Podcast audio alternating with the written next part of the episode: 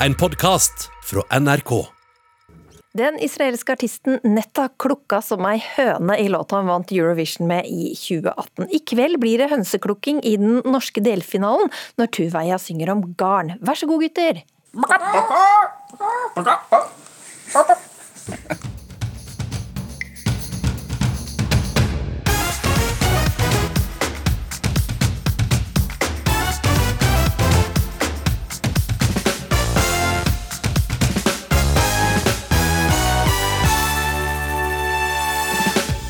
Det kryr av programledere og kjendiser i Melodi Grand Prix. Hvorfor er ikke NRK opptatt av nye talenter, spør Kunstnerforbundet Creo. Husk at Melodi Grand Prix først og fremst er til for publikum, svarer MGP-sjefen. Pandemien setter dype spor i unge folks liv, men vil koronaen bli den nye krigen? Jo, det tror jeg nok. Jeg tror nok de som vokser opp nå, vil ha koronatiden som sin tids eh, Jeg husker krigens dager. Sier Petter Skjerven. TV-profil Eli Kari Gjengedal trodde hun hadde blitt alvorlig syk og skulle dø, og ble letta da det viste seg at hun bare hadde kommet i overgangsalderen. Nå takkes hun for åpenheten rundt svettetokter og vonde ledd. Og det er trolig siste dagen i riksrettssaken mot Trump, men eh, er det egentlig noen sjanse for at han blir dømt? Det er lørdag, det er ukeslutt, og jeg heter Linn Beate Gabrielsen. NRK får kritikk for å resirkulere artister i Melodi Grand Prix. Debatten tar vi om noen få minutter, men først skal vi en tur på garn. Bli med på garn. Ja, bli med meg på garn. Ja, for vi har snus, karsk og fenalår. Det å mette den dal er i flere år.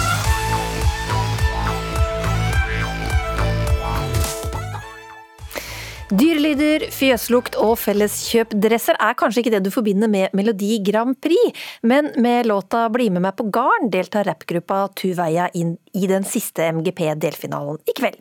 Og Christian Roar og Bendik, dere ønsker med låta å hylle bonden og bygda. Kan dere si litt om hvorfor? Uh, nei, det, det er nå ganske enkelt og greit, for at vi er oppvoksen på bygda alle sammen. Og, og en av oss er oppveksten på gård. Og for oss er jo det en ubeskrivelig oppvekst og erfaring vi har hatt. Og vi ønsker nå gjerne at, eh, gjerne at eh, bygdene og bøndene eh, at fortsetter på en måte å unngå for mye ja, sentralisering, og at Norge klarer å holde på bygdene og grendene rundt i, i landet. Men her blir det ikke bare munnharp og feite gloser på innlandsdialekt, men også en del dyrelyder, som eksempel en autotuna ku. Og la oss høre et eh, klipp fra sangen her. Var det vanskelig å få denne kua til å raute reint? Ja, den lyst til å være når vi snakker om den, så det Ja. Men er det dyrelydene som gir det lille, det lille ekstra? ja Legg på litt sånn spesielle lyder, både til oss sjøl og til dyr og andre ting, for å få litt mer humoristisk vri på sangene våre. Og det setter jo det lille ekstra preget det, som vi liker og vil ha. Og den oppmerksomme lytter hørte kanskje også at det- det er litt hønseklukking her, og der har jo dere bidratt sjøl. Kunne vi fått en liten smakebit av hva dere får til?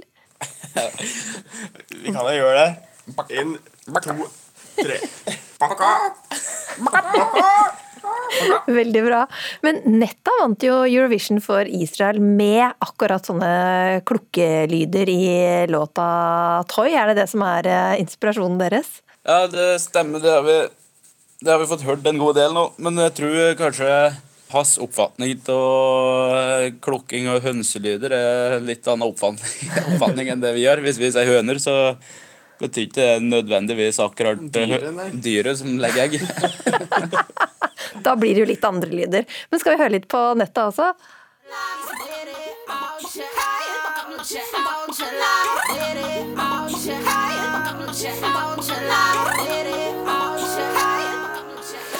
Ja, Hvilke ternekast vil du gi til denne klukkinga?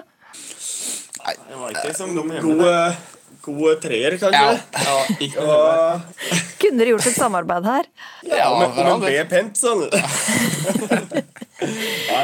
Vi får se om vi kan eh, kjenne igjen litt eh, dyrelyder og litt av hvert av lyder, kanskje, da, i kveld når dere fremfører låta 'Bli med meg på gard'. Ja, det, Det skal jeg ikke bort i. Så til eh, debatten om Melodi Grand Prix, som flere mener ligner et repriseshow. Spent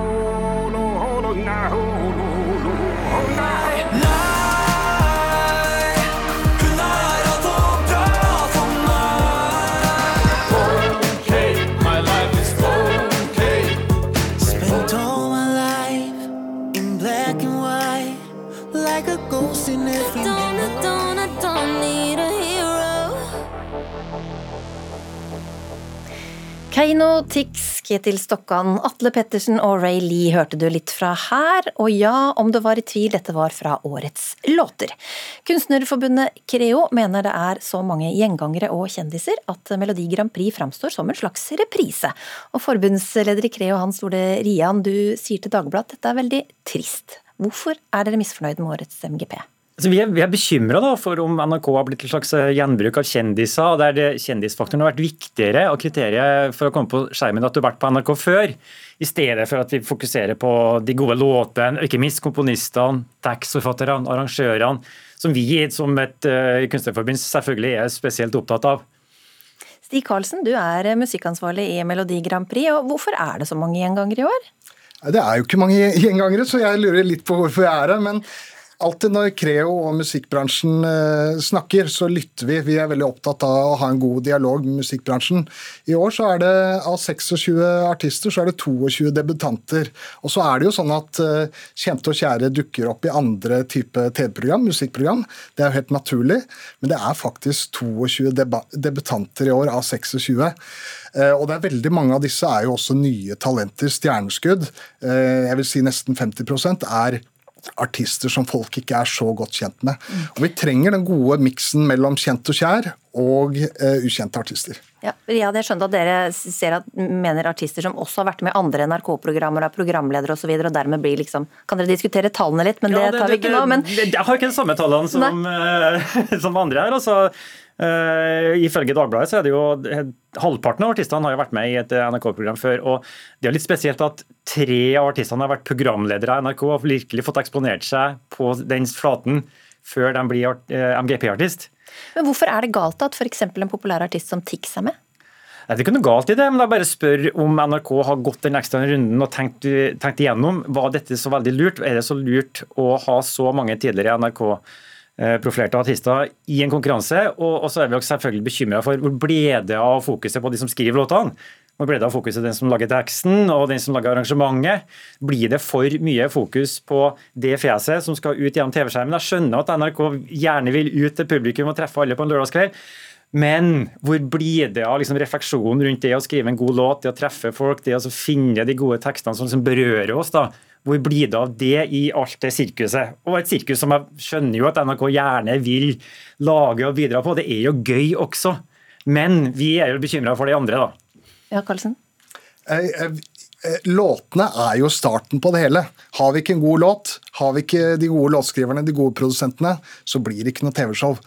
Eh, Så vi jobber hele tiden for å se på hvordan er det vi kan på en måte få vist frem disse på en fin og en tydelig og måte å gi de den eh, kreden de fortjener.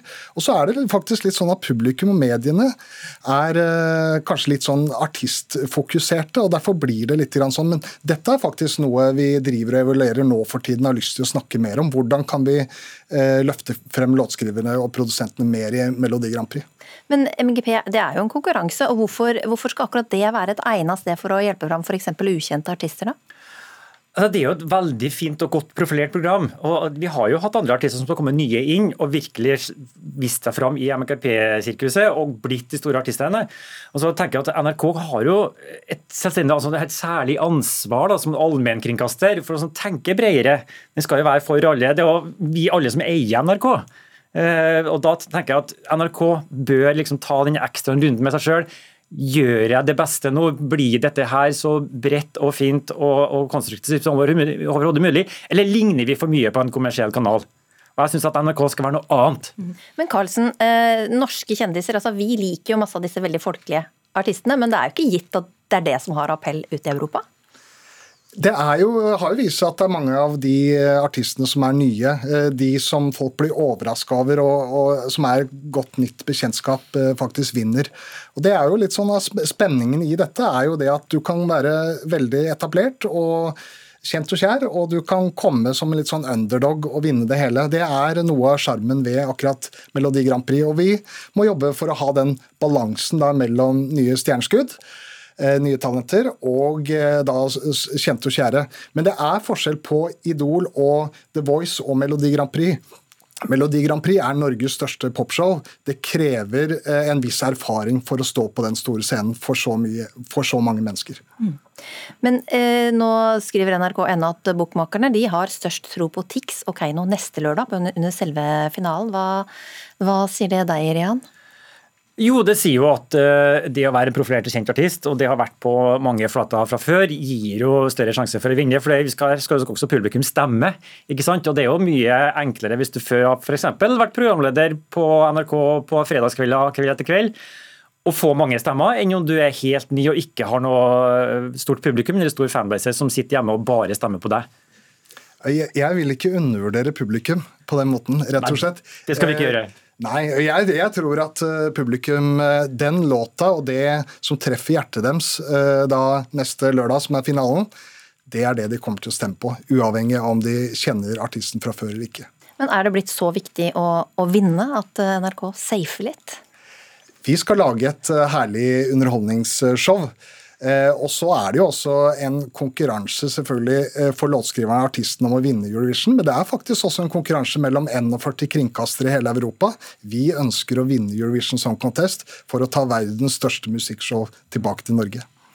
Rian, det er jo ikke mange scener å, å stå på i år. Er det derfor dere krever litt eh, større tilgang til MGP?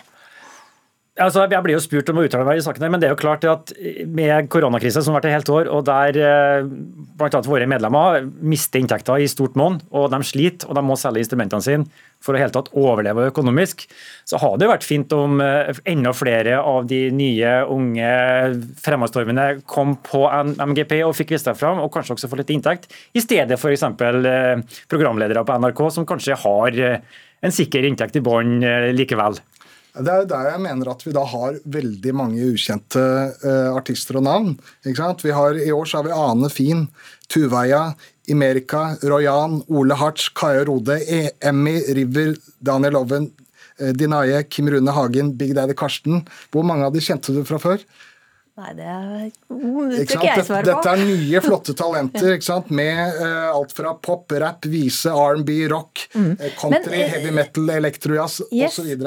Men sånn, i fjor så ble det jo ikke noe internasjonal finale. Hvor stor er egentlig sjansen for at det blir internasjonal finale i år?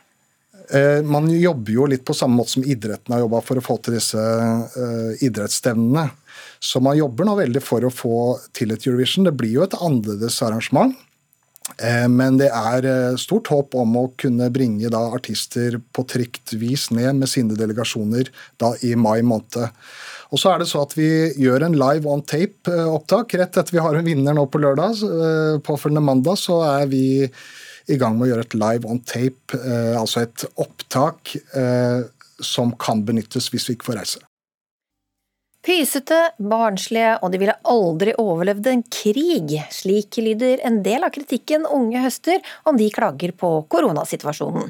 Nå får de anerkjennelse fra en tidligere museumslærer som ser klare likheter mellom koronaen og Norge under okkupasjonen.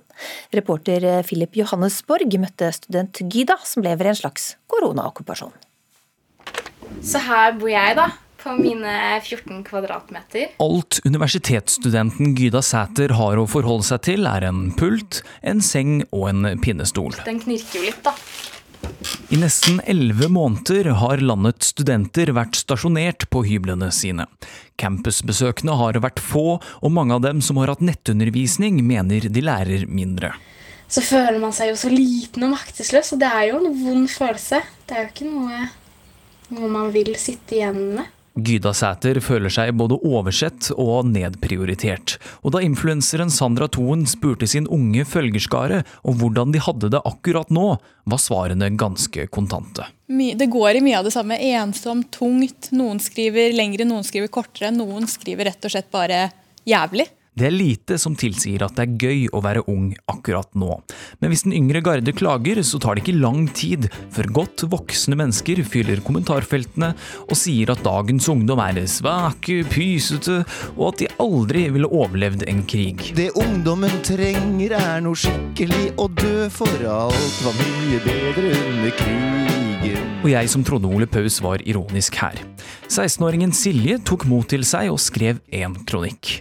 For jeg syns det var urettferdig at man skulle bli kalt barnslig og bortskjemt og bare bli kalt masse stygge ting fordi man har det vanskelig under en tid som er vanskelig for alle. Hun får nå støtte fra forhenværende museumslærer Nadia Wikstrøm, som var med på å lage utstillingen Krig og hverdagsliv. Hun mener unge har det nesten like ille nå som under krigen. Skal jo ikke bagatellisere at det, det var en forferdelig tid under okkupasjonen med skremmende opplevelser som vi kanskje ikke kan trekke parallell til nå. Men hvordan de unges hverdagsliv var, det kan til en viss grad sammenlignes. Og spesielt sånn skolehverdagen. Wikstrøm anerkjenner den yngre gardes klagesang og lanserer ordet koronaokkupert. For også under krigen måtte skolevesenet improvisere. Da gikk de på skole sånn vekselvis på formiddagen og på ettermiddagen for å få kabalen til å gå opp med alle elevene. Nå det at noen er noen elever på skolen noen dager og noen noen andre dager. Og, og Det har i denne tida ikke vært lett verken å være lærer eller liv. NRKs radioarkiv er fylt med historier om skolens utfordringer under krigen. Og fritiden var det heller ikke så mye å skryte av. Så organisert eh, fritidsaktiviteter de ble jo stanset fordi man var redd for sammenstimling. Det var, det var farlig. Da kunne noen finne på å konspirere mot de tyske okkupasjonsmakten. Sammenstimling, låter ikke det kjent? Tilbake på Gyda Sæters 14 kvadratmeter mangler bare blendingsgardinene. Hun er koronaokkupert. Jeg har jo kanskje likhet med de under okkupasjonen litt ekstra mat på hjem, på lur under senga mi som mamma sendte med meg. At det er jo my mye som er likt. Altså, det er en form for ytre fiende som har satt en ramme for tilværelsen som skaper store begrensninger i folks liv, da. Hjemme hos programleder Petter Skjerven trenger du bare å gå ned kjellertrappa for å se sporene etter andre verdenskrig. Eh, Lakseil med ørn og hakekors, ser du der? Så du ser at det har da åpenbart eh, forseglet denne døren med dørkarmen her, for jeg ser det et seil her også. Han må si seg enig i at pandemiens hverdagsliv ligner besnærlig på livet under okkupasjonen. Dette har Skjerven peiling på, for i podkasten Krigsrevyen graver han i krigens dagbøker og aviser. Man måtte søke for eksempel, om alt mulig. Man måtte søke om å bevege seg. Man Skal man reise til Hønefoss, måtte man ha en god grunn. Og det kan man jo i og for seg si stemmer litt med dagens situasjon da. Skal du, skal du hit herfra i Oslo til Hønefoss, så må du også ha en god grunn. Og mange timer hjemme, ja det ga kreativiteten bein å stå på. Altså det der med gjenbruk, eh, det er skrinne tider, det er krisetider. Hvordan skal jeg, hva skal jeg gjøre med duken? Kan den bli en, en hatt? Den type ting var jo veldig, eh, veldig i tiden. Og sånn tror jeg det er litt nå også. Folk sitter hjemme og lærer seg å sy og strikke, og folk er litt nøysomme og den type ting. Men noen fenomener fra krigen kunne kanskje vært eh, relansert? Det som i type sånn grisgrendte strøk som, som rett utenfor Oslo, sånn som her på Nordstrand f.eks., så dukket jo ordet villagris opp, f.eks. Det å ha, skaffe seg en gris som gikk i eplehagen eller i hagen. Spiste, ryddet opp, luket ugress, og så var det faktisk kjøtt til slutt. Unntakstilstand krever også unntaksord. Koronaen har gitt oss meteren, kohort, nødlandslag og grensetesting, men også under andre verdenskrig blomstret språket. Eh, rasjoneringskort tror jeg kanskje ikke folk hadde sånn kjempestor uh, føling med tidligere. Muligens noen hadde det fra første verdenskrig, det vet jeg ikke. Eh, og så hadde du blendingsgardin, dette med å mørklegge en by. Eh, så kom en del sånne forbruksvarer. Eh, kaffe ble jo rasjonert, så kaffeerstatning. Det samme er det ordet norskavlet tobakk.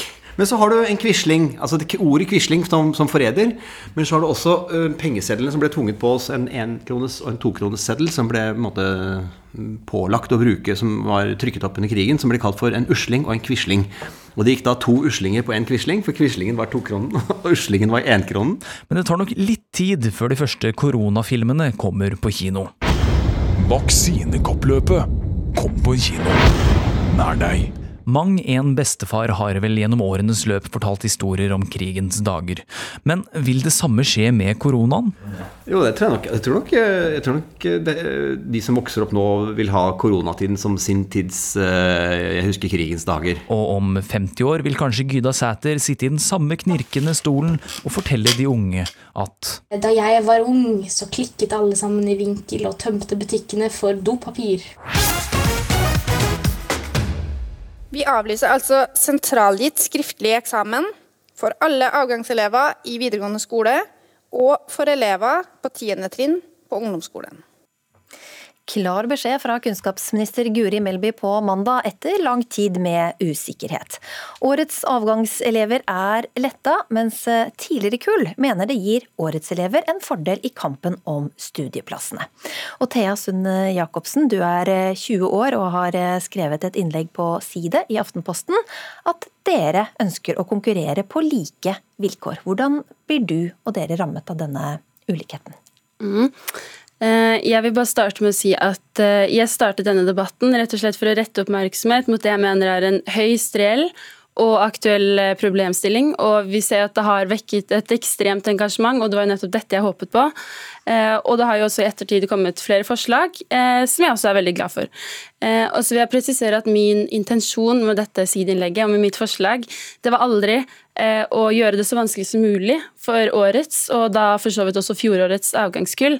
Jeg henvender meg jo snarere til regjeringen på vegne av mitt eget kull, og også potensielt senere avgangskull, som jeg mener muligens kan rammes av denne avgjørelsen med å avlyse eksamen. Ja, på hvilken måte påvirker det dere? Rett og slett sånn ikke sant, jeg, ja, som sagt, jeg mener denne avgjørelsen den kan ramme langt flere enn kun fjorårets og årets avgangselever, og det mener jeg da må gjenspeiles. Um, rett og slett fordi at um, statistisk sett da, så, drar, uh, karakter, uh, så blir karaktersnittet til de fleste elever dratt noe ned da, som følge av uh, eksamenskarakterer. Og det jeg mener er problemet nå, per dags dato med regjeringens avgjørelse, er at det er ett av de tre kullene som til enhver tid kan konkurrere innen førstegangskvoten om opptak til høyere utdanning, som må søke med sine eksamenskarakterer. Mens de to resterende kullene får da søke uten. Ikke sant? Og Med tanke på Utdanningsdirektoratet sin statistikk, som viser at karaktersnittet vanligvis dras noe ned eh, som følge av eksamensresultatene, så mener jeg at dette gir en fordel da, i opptaket til høyere utdanning. Og både regjeringen i en pressemelding og for så vidt også Utdanningsdirektoratet slo fast at karaktersnittet blant avgangselever på videregående har aldri vært høyere enn det var i fjor. Og påfølgende opptakskrav til høyere utdanning har heller aldri vært høyere. Nei. Og dere visste på en måte ikke helt hva slags uh, vilkår dere skulle konkurrere mot i dette året her i år, da, når dette, dette skjer. Men Elli Jelena Aspås, du er avgangselev på videregående i år og har også skrevet i Aftenposten om dette. Uh, blir det ikke urettferdig da at de som skal søke på de samme studieplassene som dere, må søke med eksamenskarakterene sine? Selvfølgelig så skjønner jeg jo deres side, og at det blir urettferdig. Det hadde jeg jo sikkert selv tenkt om jeg satt i deres situasjon. Men nå har det jo seg jo litt sånn at eh, nå har jo i hvert fall mitt kull Vi har jo hatt av og på med gjenundervisning helt siden mars. Og har hatt null stabilitet i læringen og har mistet så ekstremt mye dyrebar læring som vi kanskje ikke har muligheten til å ta igjen.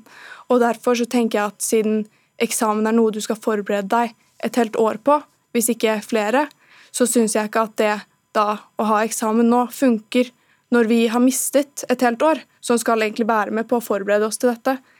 Så det var vel egentlig bare jeg valgte å skrive den sånn med tanke på at jeg ville være en stemme da, for oss som har slitt da, og blitt mest påvirket under denne pandemien. Men Thea, selv om um altså Standpunktkarakterene må jo årets, årets, elever da jobbe fram under helt andre forhold enn hva du måtte gjøre for et par år siden. ikke sant? Blir det rettferdig, da?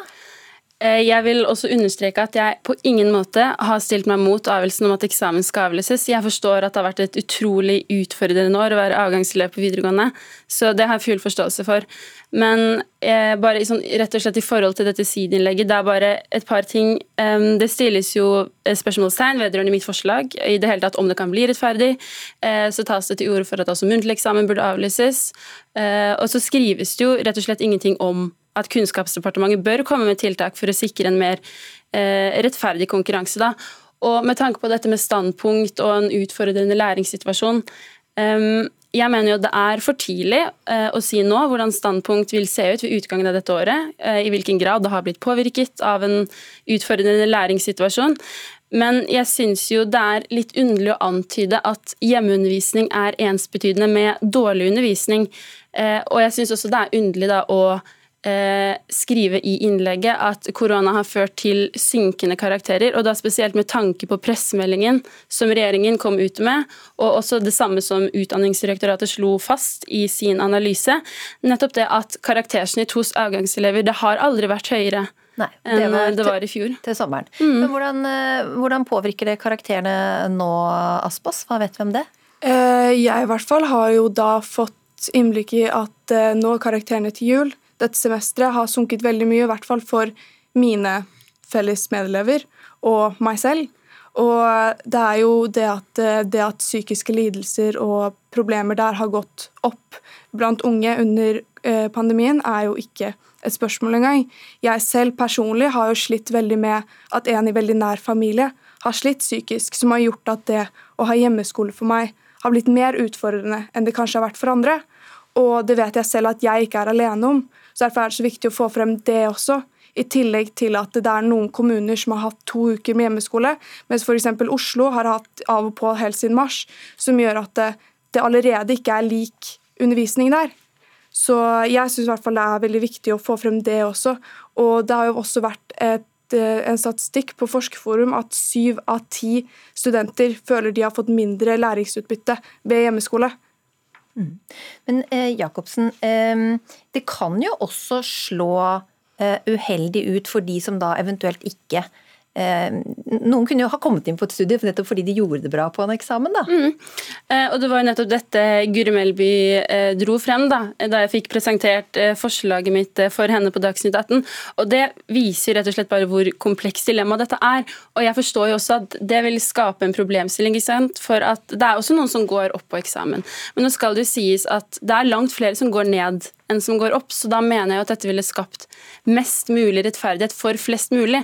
Men når det er sagt, så har jeg her kommet med et konkret forslag, ikke sant? Ja, fortell om det. Ja, og det er jo det, enten det som du var litt inne på nå, at enten så burde rett og slett alle søke med sine eksamenskarakterer, eller så burde ingen. Når vi statistisk sett vet at det gir såpass store utslag som det gjør. Men når det er sagt, så var på en måte min intensjon å dra i gang debatten og rette oppmerksomhet mot problemstillingen. Og jeg stiller meg jo på ingen måte mot andre forslag som nå har kommet i ettertid. Jeg er utrolig glad for nå at flere har engasjert seg. Mm, det, det er veldig bra. Aspås, hva tenker du om hennes forslag?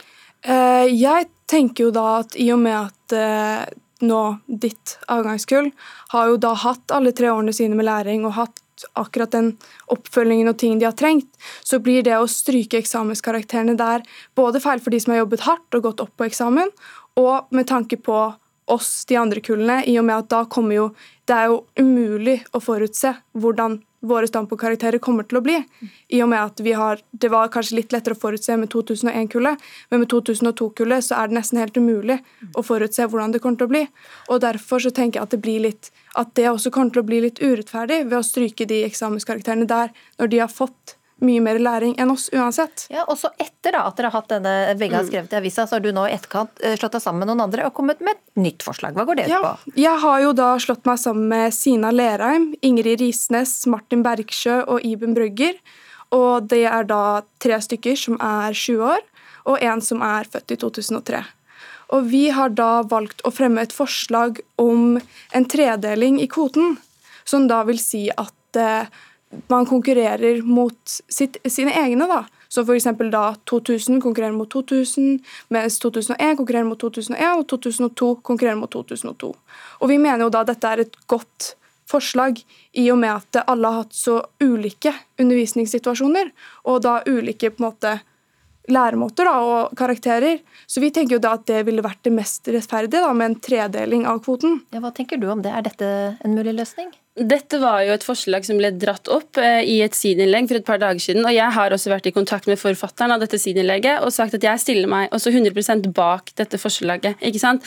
Jeg er bare utrolig glad for nå at flere tør å heve stemmen, at flere tør å snakke om dette. Um, og så, jeg er også veldig glad for at uh, du, min motdebattant her, også nå tar til orde for dette forslaget og stiller seg bak det. Men så er det bare viktig for meg å understreke at um, vi møtes jo her også på bakgrunn av disse sideinnleggene som ble skrevet. Eh, og der ble det jo ikke tatt til orde for dette. Men det har- jeg er veldig glad for at det gjøres nå. Mm. Eh, absolutt Det viktigste for meg er ikke nødvendigvis at regjeringen følger ene og alene mitt forslag, men nettopp det at de viser at de er handlekraftige, at de kommer med målrettede tiltak for å minimere denne urettferdigheten som jeg, og også nå veldig mange andre, mener er reell. Da. Ja, og nå har de fått to gode forslag inn til seg, så får vi vente i spenning og se hvordan dette her eh, ender. Tusen takk skal dere ha, Thea Sund Jacobsen og Elly Jelena Aspås.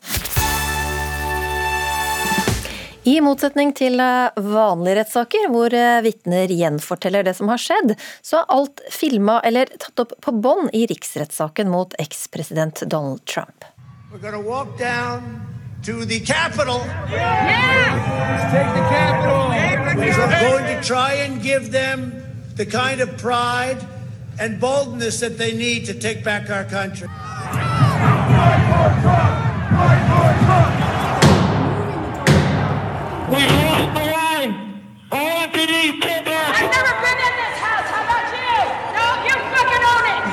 was following my president.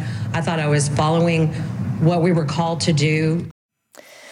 Skrytevideoer fra opprørerne, fortvilte politimenn på Sambandet og overvåkningsvideoer som viser politikere løpe for livet for å komme unna inntrengerne på Capitol Hill. Dette er noe av det som er blitt lagt fram i riksrettssaken mot Donald Trump denne uka. Men vil Trump bli dømt for å ha oppildna folkemengden til å angripe kongressbygningen? Serieskaper og Trump-ekspert Gjermund Stenberg Eriksen, med norske øyne så ser dette her nokså overbevisende ut, men vil demokratene klare å få Trump dømt, tror du? Aller mest sannsynlig ikke, men det er heller ikke målet med riksrettssaken. Det Hva er målet? Nei, det er å skrive historie eh, og skape et kollektivt minne i USA i så bred andel av befolkningen som overhodet mulig, der man kan få noen knagger som ligner på 9-11, eller om det er Omaha Beach og landgangen i Normandie, eller opphøringen av slaveriet.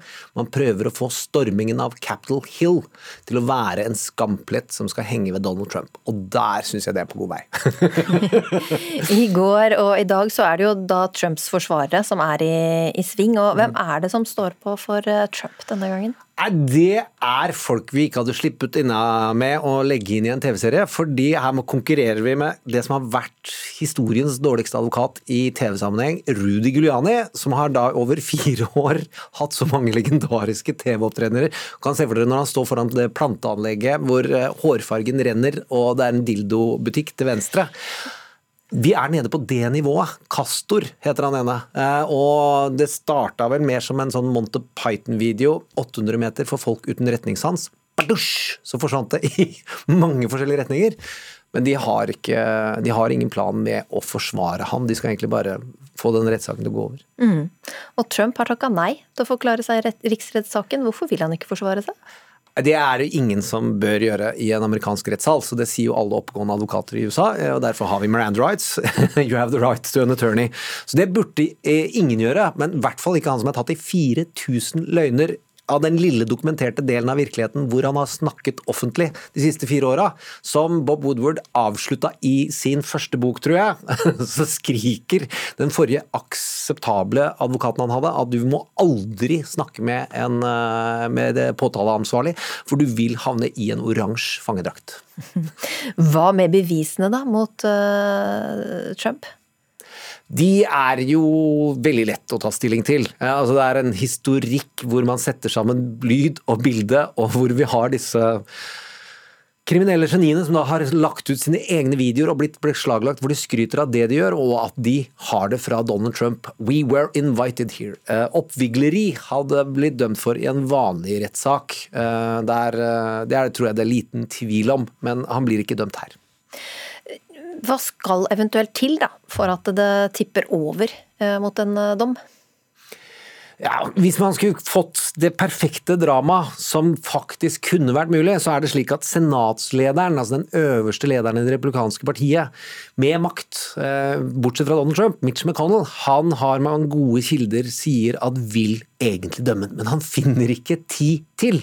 Og hvis han finner tid til innen tirsdag, da hadde det vært passa veldig bra med hans strategi, nemlig å si at jeg har ikke tenkt å dømme den, jeg har ikke tenkt å dømme den, og så slipper han å få masse bråk, for at dette er ganske rabiate folk som kan plage vettet av deg i dagevis. Så brådømmer de på tirsdag, bak, bush, så kan ikke han ha et politisk verv resten av sitt liv.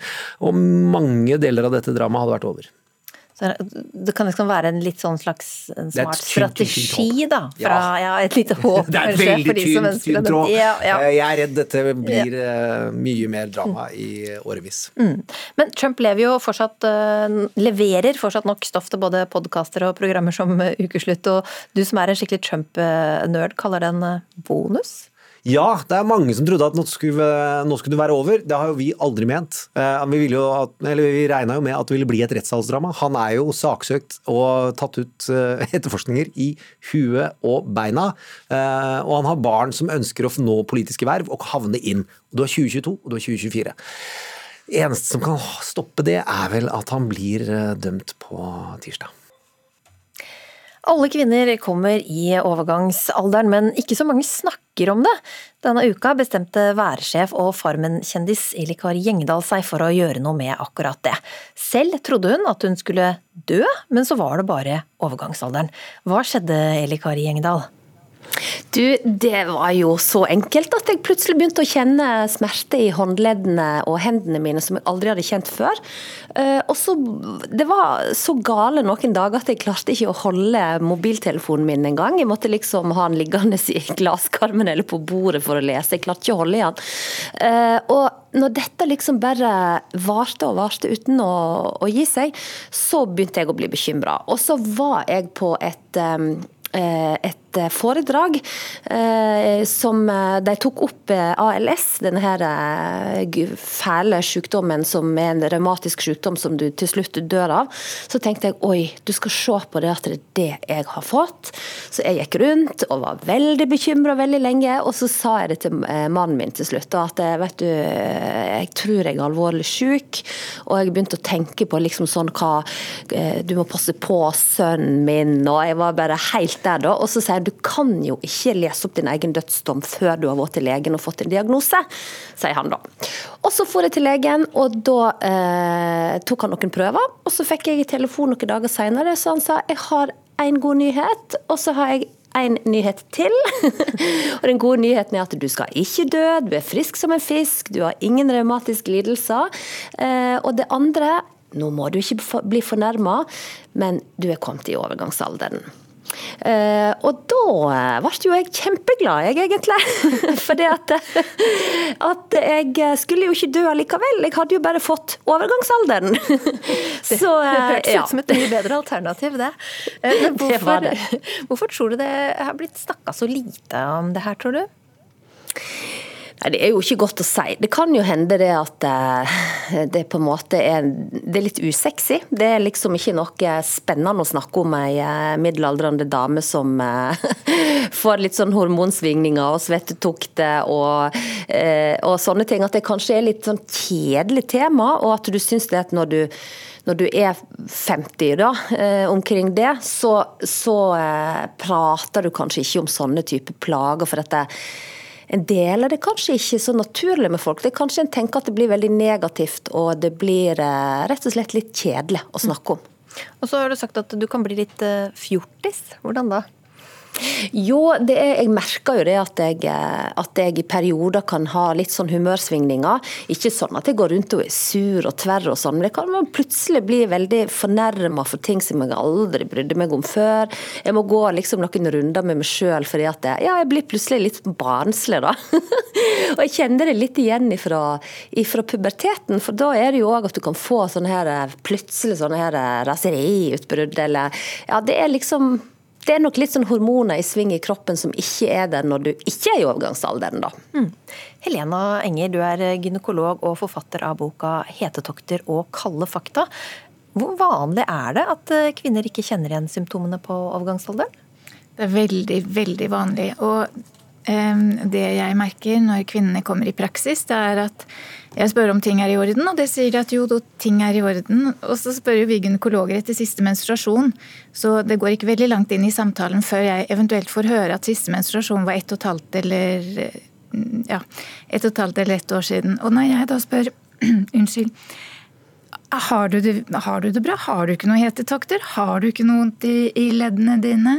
Eh, går det greit med humøret ditt, og sover du godt om natten, og ikke noe hjertebank? Så, så svarer de jo da, jo, jo, alt det, for så vidt. Så kvinner er jo tøffe.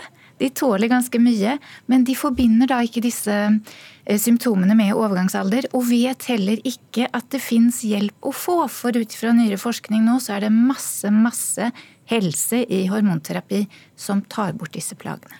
Og alt dette som du nevnte, er altså da helt vanlige symptomer på, på overgangsalderen. Men hvor, hvor viktig er det å prate om det her, syns du? Ja, jeg mener at det er kjempeviktig. Vi prater om pubertet og vi prater om eh, svangerskap, og at vi ikke skal snakke om overgangsalderen. Det er bare trist. Så jeg er så evig takknemlig til Eli Kari, som sprudlende, flott, nydelig dame går ut og sier til hele Norge at jeg er i overgangsalderen. Og for noen dager siden så sa hun joho i tillegg. Jeg syns at det er veldig, veldig imponerende. Så det er det vi må oppfordre kvinner til. Å snakke med hverandre, og gjør de gode erfaringer, så må de dele med andre kvinner. Ja, hva slags reaksjoner har du fått på dette, Elikari Gjengedal? Du, det var jo veldig mange reaksjoner etter vi var på, eh, på TV-en her tidligere i veka på God morgen Norge. Eh, massevis av journalister som har tatt kontakt, sånn som bl.a. her i Ukeslutt, som har lyst til å snakke litt mer om det. Eh, som jeg gjorde, gjorde, noen intervju i forbindelse med dette. Og så eh, er det en del damer som har tatt kontakt og eh, har lyst til å liksom få bekreftet at ja, jeg tror det, ja, De fleste sånne tekstmeldinger har fått det sånn Jeg tror jeg òg er i overgangsalderen. Når jeg hørte du snakke om dette med gynekologen på TV, så kjente jeg meg så godt igjen. Ja, jeg tror nok jeg er i overgangsalderen. Og da jo, har jo jeg svart at jeg er jo ikke noen lege. Eh, så da anbefaler jeg deg å ta kontakt med legen din, og så må du fortelle om hvordan du har det, og så kan jo det hende at du kan få litt hjelp. Helena Enger, hvordan tenker du at de rundt den som er i overgangsalderen kan, kan hjelpe? Det det er, ikke alltid så lett å skjønne hva som er på gang. Og av og til så går vi og har det kanskje ikke riktig så bra som vi har ellers, eh, uten å forstå at vi er litt stressa og litt belastet. Og dette kommer jo litt sånn snikende på ofte. Så, så, om man merker da at en ellers hyggelig kone eller mor eller kjæreste eller hva det måtte være, blir mer hissig og temperamentsfull og gråter for ingenting og, og har mindre energi og ikke Virker du ikke å ha det så, så, veldig godt lenger, så kan man, jo, kan man, jo, spørre går det greit. For det er ikke alltid at kvinnene reagerer da, og tenker at å jaha, jo, nå er jeg i overgangsalderen. Eh, de, de, leter andre plasser. De lurer på om det var for mye stress på jobben eller den krangelen for 14 dager siden med mannen eller barna eller, eller ja. Eh, de leter andre plasser så, og, å formidler på en måte informasjon kring overgangsalderen også, at man kan få gjort noe med det. Man snakker da med sin fastlege eller sin gynekolog og får informasjon om hormonterapi, det syns jeg er veldig viktig at vi deler. Hva slags støtte syns du er eh, fint, eh, Gjengedal? Jo, jeg eh, er helt enig. Det er viktig at uh, noen spør hvordan har du det, og er kanskje litt ekstra snill, eller uh, For det handler jo òg litt om at denne overgangsalderen kommer jo på et stadium i livet som oftest da, hvor en på mange måter har runda litt bøya. At, en, at en, en, er liksom ikke kall det ung og lovende lenger. En er liksom på høgden i livet, og hvor går veien videre? Jo, den går vel litt i grava da, etter noen år. sånn at, at, jeg for min del eh, har vært litt sånn at når dette kom, i tillegg til at jeg begynner å ja, liksom fundere litt på livet mitt og hva jeg har fått til og hva ønsker jeg med livet mitt og sånn, eh, så jeg har rett og slett eh, begynt å skrive ei bok som er ei humoristisk, lyrisk bok, som eh, jeg håper kan eh, hjelpe andre kvinner til å se på det med litt humor, da. Og, er, ja, og det har jo nettopp du gjort. Kan ikke du fortelle hva du, hva du sa da du underholdt en del mannfolk med dette om overgangsalderen? Ja. jo, jeg, eh, jeg er nå ofte i litt sånn mannsdominerte miljø da, som holder på med realfagsretta tema, som vær og klima og sånn. Men jeg, hadde, jeg var ordstyrer på en energikonferanse i Rosendal. Det var da med en gang etter at jeg hadde fått det svart på hvitt av legen at jeg var i overgangsalder. Og så fikk jeg en sånn svettebye da, mens jeg sto på scenen. og akkurat da så var det litt trøbbel med det tekniske utstyret utstyret som vi brukte med lyd og sånn, så jeg ble stående og skulle prate litt, og da følte jeg at jeg kunne snu meg selv rundt i svette inni den dressen jeg hadde på meg. Og det spruta vilt rundt meg, følte jeg da. Og da sa jeg bare sånn ja ja, hvis det er litt vått rundt meg her nå, så handler ikke om dere, men jeg er i overgangsalderen. og da kan jo en forvente at noen kanskje blir litt flaue, eller, og, og, når du er på en energikonferanse sånn som jeg var, så er det veldig mange menn eh, på min egen alder med grått hår som sitter der. Og, men vet du, de lo hjertelig. Det var liksom De så humoren i det, og kjente sikkert igjen litt fra kona hjemme. Tusen takk for at uh, dere var her og, delte, Eli Kari Gjengedal og hetetoktforfatter Helena Enger. The New York Times har uh, lagd en uh, ny dokumentar om popstjerna Britney Spears, som setter fokus på vergemålet hun har vært under de siste 13 årene. Britney was so focused. This is a girl that's coming from strength. How we treated her was disgusting. She accepted the conservatorship was going to happen, but she didn't want her father to be a conservative. Why is her dad making all of her decisions? Why is she still in this? What do we want? Free Britney! Faren har hatt eh, full kontroll over både Britney og formuen hennes etter at hun hadde et psykisk eh, sammenbrudd, og Britney-fansen har lenge ment at sangstjerna egentlig ønsker seg ut av vergemålet, at hun i hvert fall ikke ønsker at faren skal være vergen hennes. Og Linnea Myhre, du er jo blodfan av Britney Spears og har fulgt tett med på sakene rundt eh, vergemålet hennes. Hva er det viktigste som kommer fram i denne dokumentaren? Altså, det er jo veldig mange aspekt eh, her da, ved dette her. Det, en ting er jo på en måte dette med vergemålet som da oppsto eh, rundt denne tida hvor, eh, som vi kanskje mange av oss husker, da hun barberte av seg håret og gikk eh, bananas på noe paparazzi og sånn. Som, som, vi har på en måte ikke fått sett de bildene eh, som Eller vi har ikke fått sett på en måte hva som leder opp til det. da. Vi har kanskje bare fått lov å se eh, som, altså disse bildene som verserte i media. og da, det Etter det så kom jo da dette vergemålet, som da sa noe om at hun ikke var i stand til å ta vare på seg sjøl. Eh, og så det også, handler det jo mye om psykisk helse, som også da går egentlig tilbake til disse bildene fra 2007-2008 hvor hun var litt ute å kjøre fordi hun ikke hadde det noe bra. Eh, og så har det på en måte fått lov å stå som en sannhet at det var da det klikka for Britney, og hun har ikke fått, fått uh, blitt seg sjøl etter det. Men her er det jo på en måte hun har vært i Kommer det fram nå i denne filmen da også endelig at det har kanskje hun har ikke fått lov å bli seg sjøl heller, fordi at hun har blitt holdt nede av, eh, av sin egen far, som har vært vergen hennes. Eh, samtidig som hun, hun da paradoksalt nok har reist verden rundt på verdensturneer og opptrådt og tjent mange mange millioner kroner til faren. Gir det noe nærmere svar på den bekymringa fansen har hatt da for henne de siste årene gjennom Free Britney-bevegelsen? Ja, og dette er jo litt fint ved det, fordi at eh, det har vært veldig mange som har mistenkt dette lenge. Og så har det på en måte, i og med at det ikke har vært noe konkrete svar, ikke at det er det i denne dokumentaren heller, den er jo på en måte ganske vinkla eh, til på en måte pro Free Britney-bevegelsen. Men nå gir det jo litt anerkjennelse, litt liksom tyngde fra New York Times. Da, at her er det på en måte, dette er en reell sak. Det finnes dokumenter på at Britney har sagt at hun har lyst ut av vergemålet. Eh, hun har ikke lyst til å ha det sånn lenger. Og da på en måte virker jo også den Eh, altså det, det da fansen har gjort og stått utenfor alle rettssakene i årevis og støtta, det på en måte viser at det var, det var ikke bare en konspirasjon, dette er på en måte reelt. Eh, det er et problem. og, eh, og alle ønsker at Britney skal få det bra og komme seg ut av det vergemålet. fordi hun er jo frisk nok til å jobbe, så da, hvorfor skal hun da være under vergemål eh, på 13 år? Liksom? Det gir, gir, ikke mening. Men verken Britney Spears eller familien hennes har bidratt til dokumentaren. Hvilke reaksjoner har kommet fra dem nå i etterkant? Nei, det er jo det. da. Altså, hun har jo på en måte ikke hatt lov til å uttrykke seg så lenge hun har sittet i det vergemålet. Alt har vært veldig da altså, Det finnes jo intervju hvor hun f.eks. har sittet i et TV-studio og kanskje forsnakka seg litt, som har blitt klippet bort i etterkant. Eh, og, men hun har aldri vært på en måte hatt et intervju hvor hun kunne snakke snakka fritt. Så det overrasker meg ikke at de ikke har fått tak i henne, fordi hun rett og slett har ikke lov å snakke fritt. Eh, hun har folk som passer på seg hele tida, og har ikke lov å ta egne valg i sitt eget voksne liv.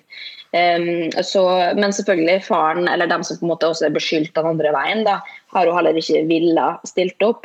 Um, og, men jeg håper jo at på et eller annet tidspunkt at, at de også får lov å snakke sin sannhet. Men det er jo litt ord mot ord her. Det er mye vi sikkert ikke vet uh, ennå.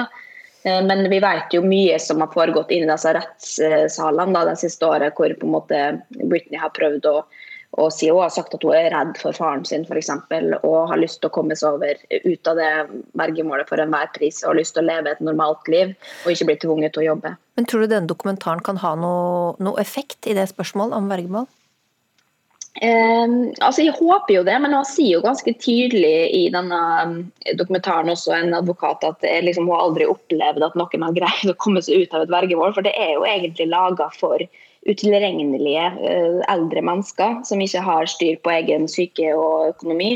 Um, så det er, jo, det er, jo, et kronglete system. Det er liksom mye som skal til for at det skal kunne gå igjennom. Men det har jo kommet ganske mye reaksjoner nå, og også fra på en måte andre advokater som har gått sammen og sagt at hvis, her ser vi på en måte at det, at det ikke funker. Vi må, vi må, endre på ting. Fordi at Vi kan ikke se på at noen får livet sitt ødelagt uh, pga. at det skal være et så kronglete system. Nå til hjemmekontoret, der eh, jobb-PC-en kanskje står litt utsatt til på kjøkkenbordet, og du muligens ser for deg at den største trusselen er at barna kan hamre løs på tastaturet, at du velter kaffekoppen, eller at et familiemedlem har lånt maskina og skrudd på kattefilter før du skal være med på jobbmøte. We're trying to, we're tr can you hear me, Judge? I can hear you. I think it's a filter. Don't know how to remove it. It's not I'm not a cat. Jeg er ikke en katt, sa en fortvilet advokat som så ut som en snakkende katt under en rettssak på Zoom, og videoen har jo gått sin eh, seiersgang. Men denne uka ble faktisk hjemmekontoret og jobb-PC-en tema da Politiets sikkerhetstjeneste la fram sin trusselvurdering. Budskapet var at eh, pandemien gjør oss mer sårbare for etterretning, spesielt siden mange jobber fra hjemmekontor. Og sikkerhetsekspert Kjell Ola Kleiven, du er eh, styreleder i Risk Information Group. Og ifølge deg så er vi alle et mål, på, på hvilken måte? Altså, vi er jo det. Eh, du og jeg er kanskje på hjemmekontor, men det er jo de kriminelle også. Og i den verden så er det klart det at den kriminaliteten som tidligere skjedde på gata i form av bankran og sånne ting, den skjer jo nå på nett. Og det er klart at Når du sitter og nipper til kaffen din på hjemmekontoret og kanskje hører på en LP-plate eller koser deg mens du, mens du har sånne bedagelige hjemmekontordager, så er skurkene på alerten. Og det er jo der det er så lett å bli lurt. Og det er der konsekvensene er så store, fordi at nå møter vi ikke lenger kollegaene i kantina som kan bekrefte eller avkrefte om vi er lurt. Vi, altså, ugler i mosen tar så mye lengre tid å oppdage når vi sitter på hjemmekontor. Og det gjør at skurkene har fått det veldig lett. da. Og enten det er snakk om etterretning, altså at noen vil stjele informasjon, eller det er snakk om svindel og bedrageri, så er vi mer utsatt. Og det er så enkelt som at jeg kan sende deg en mail, eh, og så tror du at den kanskje er fra en kollega av deg, fordi det ser ut som den kommer fra en dame i NRK, men så er det min mail som ligger bak. Og så får jeg ut informasjon som jeg kanskje ikke skulle hatt. Og da kommer den kaffemaskina inn. Du får ikke den kontrollsituasjonen liksom på ja, du sendte jo den mailen. Det er det du ikke får, og du treffer ikke kollegaen i kantina heller. Og da kan det gå mye lengre tid, ikke sant. Og ofte så responderer du, for det ser ut som en vanlig NRK-adresse, men i virkeligheten så er det noe helt annet. Og det er en av de virkemidlene som kriminelle har i dag. Og det er jo blitt vanskeligere enn før å avsløre falske e-poster. Hva er det vi skal være obs på da? Altså, noe av det viktigste er jo, hvis man er utrygg eller hvis man føler at det er noe lureri, å kontakte personen i en annen kanal. Får du en e-post som ikke ser ut til å stemme, så ring opp personen og verifisere i en annen kanal. Hei, er det slik at jeg skal overføre 100 000 til denne kontoen? Er denne virkelig, virkelig fra deg? Ring, gå via WhatsApp, som er kryptert, eller tilsvarende krypterte løsninger. Men hva er da dine beste tips da, til å ha et uh, sikkert uh, hjemmekontor? Noe av det første er at man skal være veldig kritisk til hva man klikker på. Uh, så skal man være veldig bevisst på passordene og brukernavnene sine.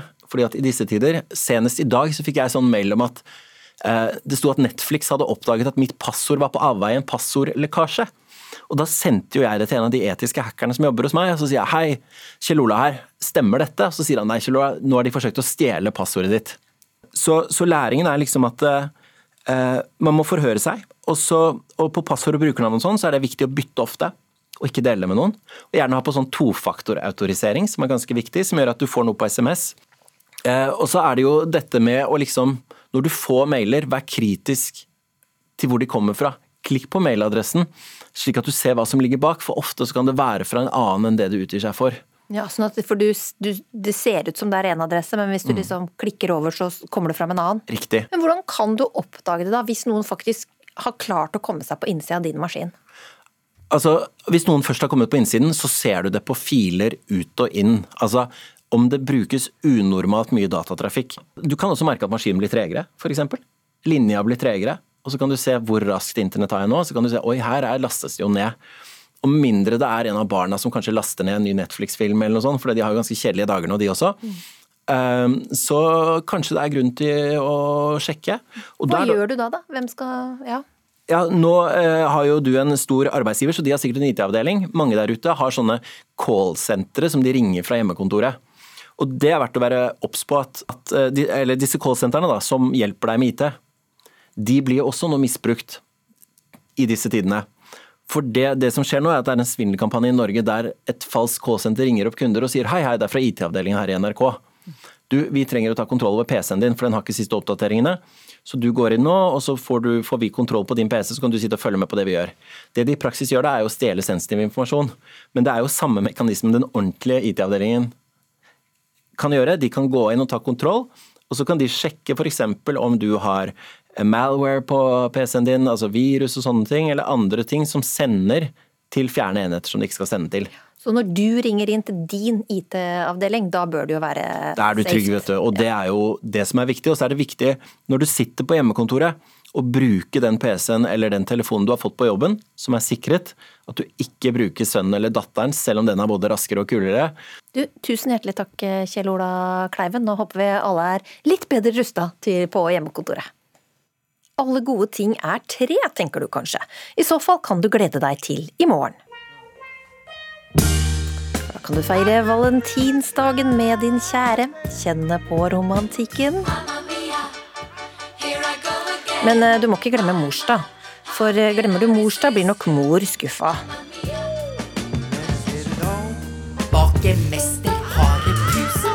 Og så er det jo fastelavns også, så det er jo bare å sette i gang og bake. Jøye meg, det der ble mye på en gang. Ja, De fleste tenker nok kanskje at det er travelt nok å feire én ting i løpet av en dag, men tre partyfikser, Rodney Ottem, det er jo umulig. Jeg hadde håpet at eh, vi kunne utforske, utforske folk litt nå, da. Ja. Og få det til. Hvordan kan vi klare det? da? Arrangere tre ting på en gang og overleve? Godt spørsmål.